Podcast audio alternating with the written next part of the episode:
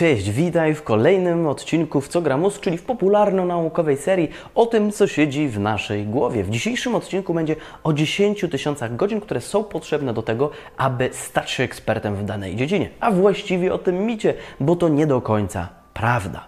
Wszystko zaczęło się od propagowania przez Malcolma Gladwella tej teorii w swojej książce Poza schematami. Trzeba mu przyznać, że książka jest fajnie, czyta się ją łatwo, a Malcolm Gladwell jest bestsellerowym pisarzem, więc sprzedaje swoje książki naprawdę w ogromnych nakładach.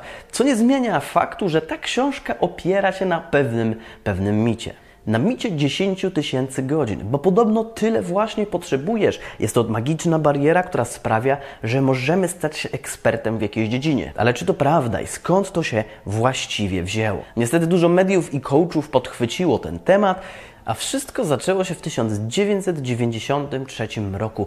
Trzech naukowców zastanawiało się, w jaki sposób powstają jednostki wybitne. I poszli oczywiście do Filharmonii Berlińskiej, gdzie analizowano sukces skrzypków. Starano się porównywać i szukać pewnych korelacji. Z premedytacją mówię korelacje, a nie związki przyczynowo-skutkowe, bo starano się szukać pewnych wzorców, bo z tych 30 oczywiście mniejszość była wybitna, a większość była dość przeciętna i szukano pewnych wzorców i znaleziono wzorzec 10 tysięcy godzin. To podobno e, skrzypkowie, którzy ponad 10 tysięcy godzin praktykowali, rzeczywiście odnieśli dużo wyższy sukces i byli na dużo wyższym poziomie niż inni w ich zespole. Malcolm Gladwell, który jest znany z tego, że odkurza stare idee, wyciąga je i robi z nich ciekawą historię, dokopał się do tego badania i ono stało się korem całego tego właśnie pomysłu, że to 10 tysięcy godzin jest tak istotne. Malcolm Gladwell w swojej książce przytoczył wiele interesujących przykładów programistów, e, przedsiębiorców, muzyków, którzy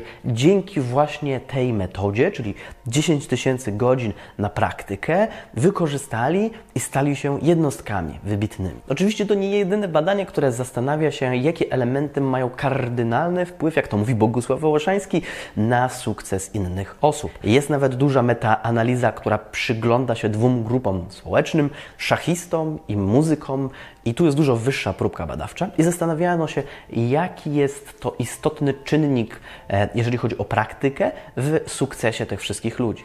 Co ciekawe, w przypadku mistrzów szachowych oceniono, że e, mistrzowie szachowi poświęcili od 823 godzin do ponad 20 tysięcy godzin na praktykę, aby osiągnąć mistrzostwo. To też pokazuje, że nie ma jednej granicy 10 tysięcy magicznych godzin, ona jest bardzo płynna. Niestety w książce Malcolma Gladwella te 30 osób które jest niesamowicie małą próbką badawczą, jest bardzo wyciągniętą, bo dajmy na to, że rzeczywiście wśród skrzypków jest taka prawidłowość. To czy możemy to skalować na resztę populacji, na biznesmenów, programistów i innych? Sądzę, że nie. A ta metaanaliza pokazuje, że rzeczywiście ten próg jest różny dla nas wszystkich, co może pokazywać, że ten czas dla niektórych jest bardziej istotny niż dla innych. Aby mieć wiarygodne dane, ta próbka musi być duża, z różnych kategorii społecznych, w różnym wieku. E, no, tak naprawdę potrzebujemy jak najwięcej danych, jak najwięcej osób, na których moglibyśmy się oprzeć, aby móc skalować tego typu teorie. Niestety książka jest swoim rodzajem błędem poznawczym, efektem potwierdzenia. To jest trochę tak, że my, jeżeli w coś bardzo wierzymy, to szukamy i dopasowujemy do tego różne teorie. Wyobraźmy sobie, że mamy jakąś bardzo chorobę przewlekłą i powiedział nam ktoś, że witamina C lewoskrętna może nas wyleczyć, no to jeżeli mamy taką nadzieję, której chcielibyśmy się schwytać, to znajdziemy mnóstwo potwierdzeń, które pozwolą nam na tym oprzeć większą nadzieję. I dlatego ten efekt potwierdzenia tak działa. Ja na przykład, kiedy robiłem pierwsze pomysły, startupy i wdrażałem je w życie, też szukałem potwierdzenia moich pomysłów. I co za tym idzie, popełniałem błędy, bo nie zauważałem wad, przeszkód, które są, tylko szukałem absolutnego potwierdzenia tego, jak mi się uda. Oczywiście nie udawało mi się wielokrotnie, bo nie widziałem całego obrazu. Jeżeli pozbędziemy się krytycznego myślenia, no bo przecież trzeba myśleć tylko pozytywnie, nie wolno być takim krytykanckim, jak mówią wszyscy wspaniali trenerzy rozwoju osobistego.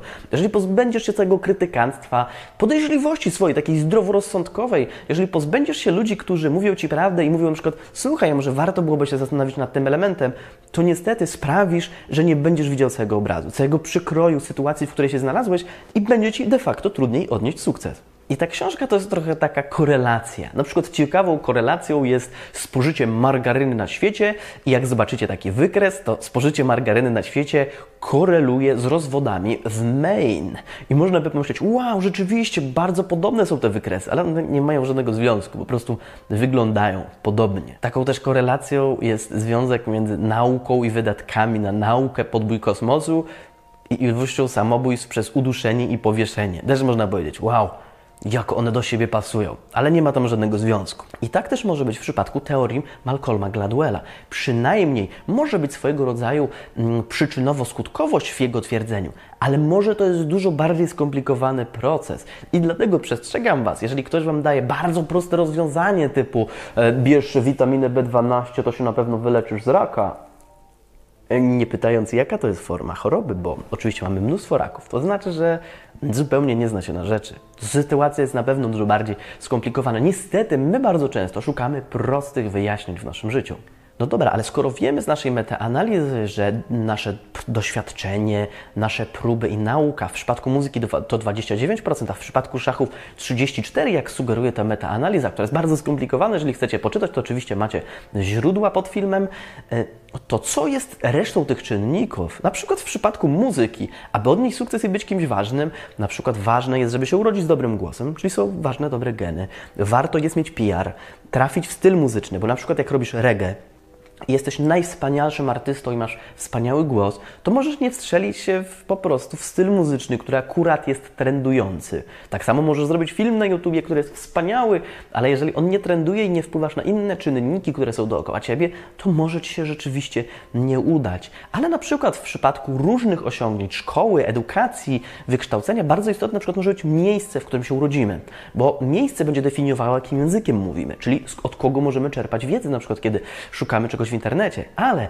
nasze miejsce zamieszkania też będzie definiowało, od kogo możemy się uczyć, jakich mamy liderów z danej branży, który, którzy mogliby być naszymi mentorami. To może być bardzo istotne i to może być właśnie część tych czynników, które wpływają na pełen sukces. Wspaniałym przykładem są też coache i trenerzy rozwoju osobistego, którzy uczą nas, jak zarabiać pieniądze albo mieć lepsze życie, i wiecie, możecie pójść drogą niektórych coachów i budować swój wizerunek, a nie mieć umiejętności i wielu doświadczeń w danej branży. Mm, I ten wizerunek sprawi, że wy rzeczywiście będziecie kimś ważnym w rozwoju osobistym. Ale czy o to chodzi na koniec dnia? O to brak tej spójności?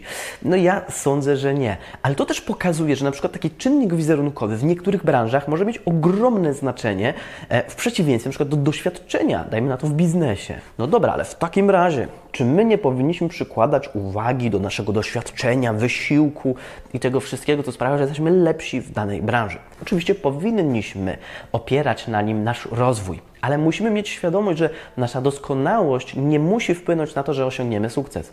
Jeżeli będziemy coś robić bardzo długo, to osiągniemy pewien fajny poziom, ale to nie musi być poziom arcymistrzowski. Bardzo istotnym elementem może być organizacja tych wszystkich czynników, które w danej branży, w danej sytuacji są równie istotne. Jeżeli masz wspaniały zespół, który akurat jest w muzyce, która jest nietrendująca i ludzie za nią nie przepadają tak masowo jak za innymi stylami, to może się okazać, nawet skoro urodziłeś się ze wspaniałym głosem, w wspaniałym miejscu, bo otaczają cię ludzie, którzy naprawdę ci pomagają, to nadal możesz nie osiągnąć sukcesu. Dlatego ważne jest, aby zastanowić się, co poza moimi umiejętnościami jest istotnego w danej branży.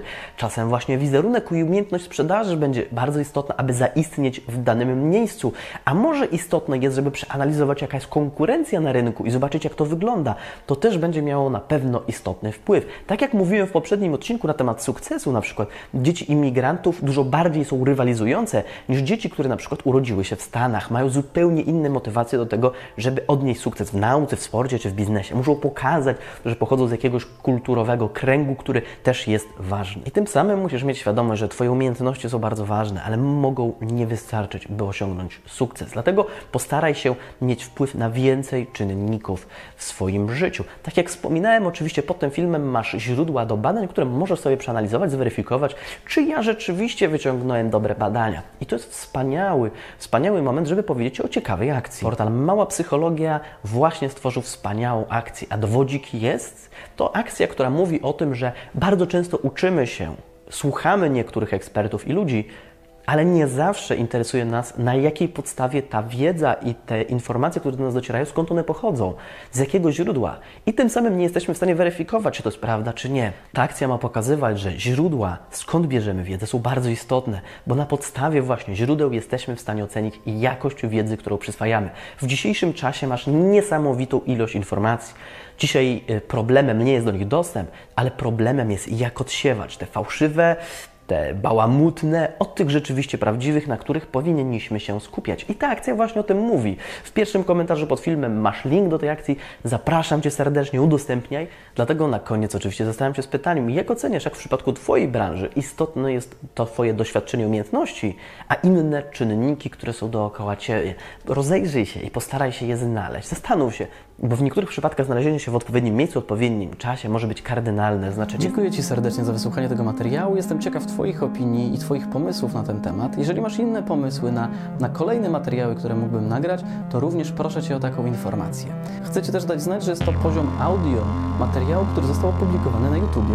Więc jeżeli chcesz widzieć i słyszeć więcej, bo na YouTubie publikuję więcej, to proszę subskrybuj mój kanał. Wystarczy, że wpiszesz Piotr Marszałkowski na YouTubie i zaraz mnie znajdziesz. Dziękuję Ci za wysłuchanie tego materiału audio i do usłyszenia już niebawem. Cześć!